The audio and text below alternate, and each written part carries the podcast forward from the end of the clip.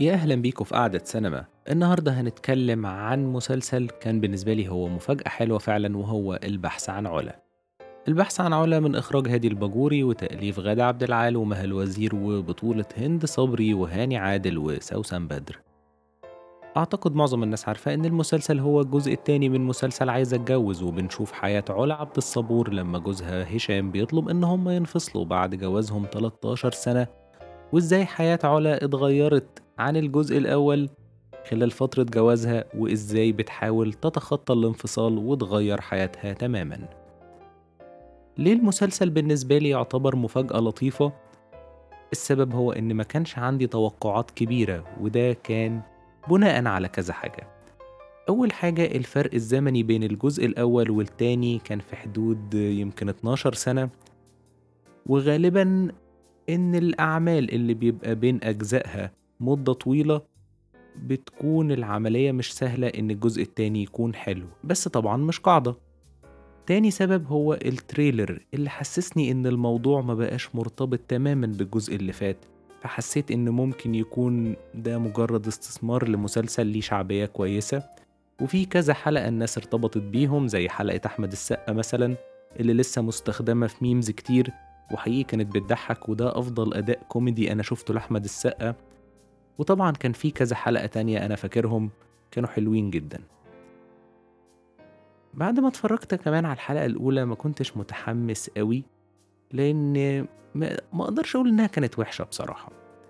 بس أنا ما كنتش مستمتع جدا لأن حسيت إن المواقف كان معظم الوقت مقصود تكون كوميدية بزيادة.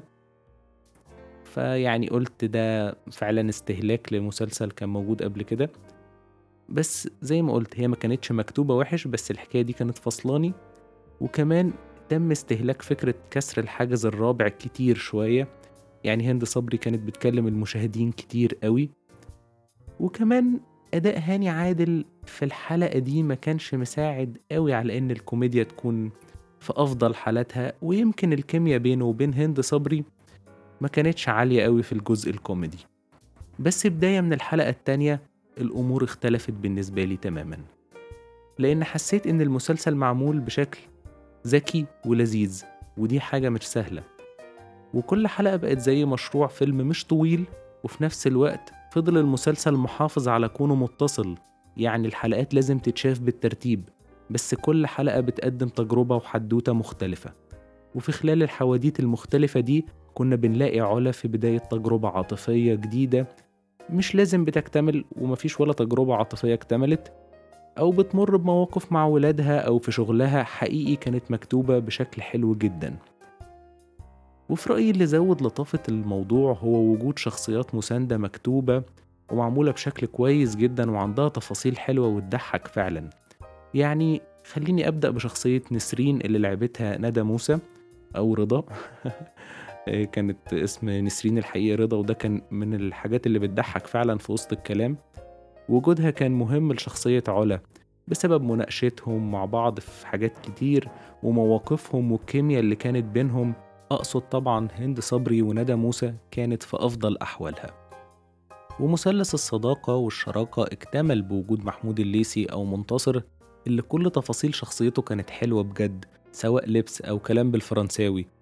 وفكرة إنه بيميز الروايح دي تعتبر في رأيي فكرة عبقرية كانت بتضحكني جدا وتم استخدامها على أفضل ما يكون.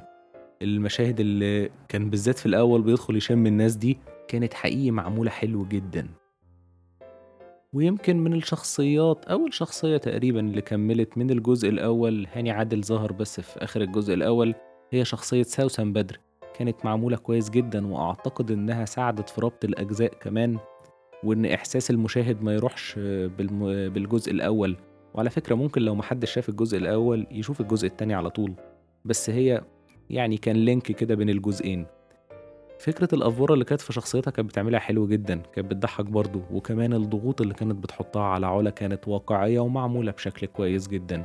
والمواقف اللي كان بيبقى فيها زي تصادم مع شخصية علا كان حوارها مكتوب بشكل متقن ومش متكلف.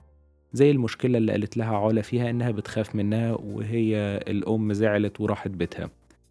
وكمان من أصيع الحاجات اللي اتعملت في شخصية سوسن بدر هو استغلال ترند نفرتيتي مصر. فبعد ما اتكلمنا على شخصيات المسلسل المساندة أعتقد إن ضيوف الحلقات كان اختيارهم موفق جدا وكان في استغلال لستايل تمثيل كل ممثل عموما. في إنه يضيف للشخصية بتاعته فكل الاختيارات تقريبا كانت في محلها. تحديدا شخصيات زي خالد النبوي وفتحي عبد الوهاب وعباس أبو الحسن. اللي عجبني جدا إن ما كانش فيه مشروع علاقة عاطفية معاه لأن ده كان ممكن يبقى حاجة كليشيه قوي بجد. بس شخصية خالد النبوي حسيت إن القصة بتاعته اتقطعت بشكل مفاجئ شوية لدرجة إني كنت حاسس إنه ممكن يرجع في الآخر. تحديدا آخر حلقة. بس حلقته كانت حلوة ومهمة في وجود المشروع. اللي حسيت إن نجاحه كان سريع بشكل ممكن نقول إنه رومانسي شوية يعني الأمور ما بتبقاش بالسهولة دي. كان في زي يعني زي ما قلت شكل رومانسي قوي في الموضوع ده. بس يعني لو اعتبرنا إن إحنا في نوعية مسلسلات ممكن تسمح بالتغاضي عن ده أعتقد الأمور ممكن تكون ماشية يعني. وفي طبعا شخصيات ظهرت في مشهد واحد زي يسرى وشيرين رضا كانوا لطاف يعني. وبيومي فؤاد كان مشهده مضحك بجد. فأنا في رأيي المسلسل ده بجانب الشخصيات اللي معمولة كويس والضيوف اللي ظهروا تجربة مهمة وكويسة لكذا سبب. أول حاجة عدد حلقاته مش طويل ست حلقات عدد مناسب مش بيخلي فيه مساحة بقى للمط والتطويل اللي يعتبر أكبر مشاكل الدراما المصرية ويمكن العربية كلها. ويمكن كمان من النقط الإيجابية اللي في المسلسل ده هي اختيار الممثلين. وده خلاني أحس إن من المرات النادرة إن ممكن يكون ال casting director عمل دور مهم في مسلسل عربي. أنا ما بقولش إن أنا عندي معلومة إن ال casting director جاب مين وعمل إيه وعرف قصة اختيار الأدوار بس واضح إن ما كانش فيه اهتمام قوي إن يكون الشخصيات بيلعبها نجوم في المعظم. يعني تحديدا هتكلم عن شخصيات زي مروان اللي هو أحمد طارق دكتور مروان يعني شخصيته كانت ممكن تحتمل وجود نجم بس هم جابوا حد يمكن بيمثل لأول مرة. وكان مناسب جدا من حيث الأداء أداؤه كان كويس جدا ومن حيث السن كل حاجة كانت يعني في مكانها. وكمان البنت اللي لعبت زينة بنته اسمها ياسمين العبد حقيقي كانت عاملة الدور كويس جدا والأطفال عموما كانوا كويسين بس تحديدا زينة كان أدائها كويس جدا جدا جدا. ومن النقط اللي أنا شايف إنها مهمة جدا في المسلسل إن في مسلسل زي ده بطلته ست وممكن يكون بعض الناس شايفة إنه بيدعم الاتجاه النسوي وده مش عيب تماما في رأيي. بس المسلسل ده كان موضوعي في طرح القصة والمشاكل. مش بيقدم شعارات ومش مشيطن أطراف. يعني هشام اللي هو الزوج رغم عيوبه بس ما كانش شيطان. والحوارات بينه وبين علا بعد الحلقة الأولى تحديدا كانت كويسة خاصة المشهد اللي في المطبخ في بيته لما اتكلموا إن الولاد يفضلوا معاها ولا معاه. كان أداء هاني عادل في المشهد ده بالمناسبة كويس. هو في المواضيع الجدية في المسلسل كان أداؤه كويس للأمانة يعني. بس نرجع للمشهد ده هنلاقي إن المشهد ده واقعي وحاجات كتير زيه في المسلسل كانت واقعية من ضغوطات ومشاكل ممكن تتحط على شخصية زي علا. فكل ده خلى المشاهد سواء كان راجل أو ست ممكن يفهم معاناة البطلة ويقدر القصة كمان ودي نقطة كويسة ومهمة. وبعيدا عن القصة كان في عناصر حلوة عجبتني زي البساطة وعدم التكلف حتى في العناصر الفنية. يعني في لحظات الصورة بتكون فيها حلوة جدا زي رحلة الصحراء والكامب وآخر دقايق في الحلقة الأخيرة. بس ما كانش فيه إفراط في ده. يعني هادي الباجوري ما كانش بيستعرض. لما بتيجي فرصة إن هو يعمل صورة حلوة كان بيعمل ده. بس كانت الأولوية للقصة والبساطة والسلاسة وإن style المسلسل كده ما يبقاش يعني متكلف أو مأفور. كان يعني ده بيساعد في الحفاظ على البساطة والطابع الكوميدي. فعلى كده ممكن نقيس بقى معظم العناصر. يعني الموسيقى كمان كانت حلوة كعادة خالد الكمار. فده عجبني إن مفيش زي ما قلت تكلف. آخر سبب إن أنا شايف إن المسلسل ده كويس جدا جدا جدا هو هند صبري. هند صبري ممثلة كبيرة جدا. الدور مش سهل واتغير عن الجزء الأول بس كان لازم يكون مربوط بيه. بس كالعادة هي عندها القدرة تعمل ده وتقدر تقوم بشخصية واحدة في أجزاء مختلفة وبيطرأ عليها تحولات كتيرة زي ما عملت في الجزيرة واحد والجزيرة اتنين. وزي ما قلت هي واحدة من أفضل الممثلات العرب عموما. يعني عملت في مصر حاجات حلوة جدا زي إبراهيم الأبيض أحلى الأوقات. دي الحاجات اللي حاضرة في دماغي دلوقتي بس معظم أدوارها قوية جدا. وكمان في الحاجات التونسي أنا شفت ليها فيلم قصير كان حلو جدا جدا. وما تصدقش إن هي اللي بتمثل بالمصري. وهند صبري كمان من الممثلين القليلين جدا اللي قدروا يوصلوا المشاهد إن هو ينسى تماما إن هما مش من مصر. من ناحية الأداء واللهجة وفهم الناس في مصر أعتقد المرحلة دي موصلهاش حاليا غير هي وإياد نصار.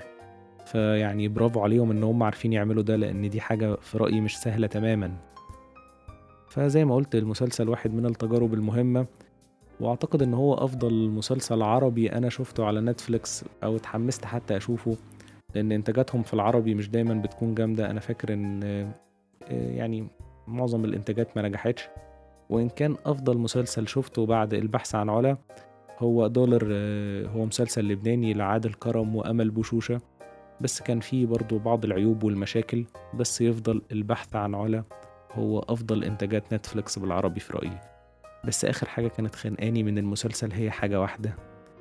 سليم مش سليم. بجد الإفيه ده اتكرر كتير وبصراحة زهقني جدا. وأنا عارف إن هي حاجة موجودة وفي ناس كتير عندهم الحكاية دي بس بصراحة بتخنق قوي فيا رب تكون الحلقة عجبتكم ويا ريت اللي مش عامل سبسكرايب يعمل عشان توصل لكم الحلقات الجديدة باستمرار ونتقابل الحلقة الجاية. مع السلامة.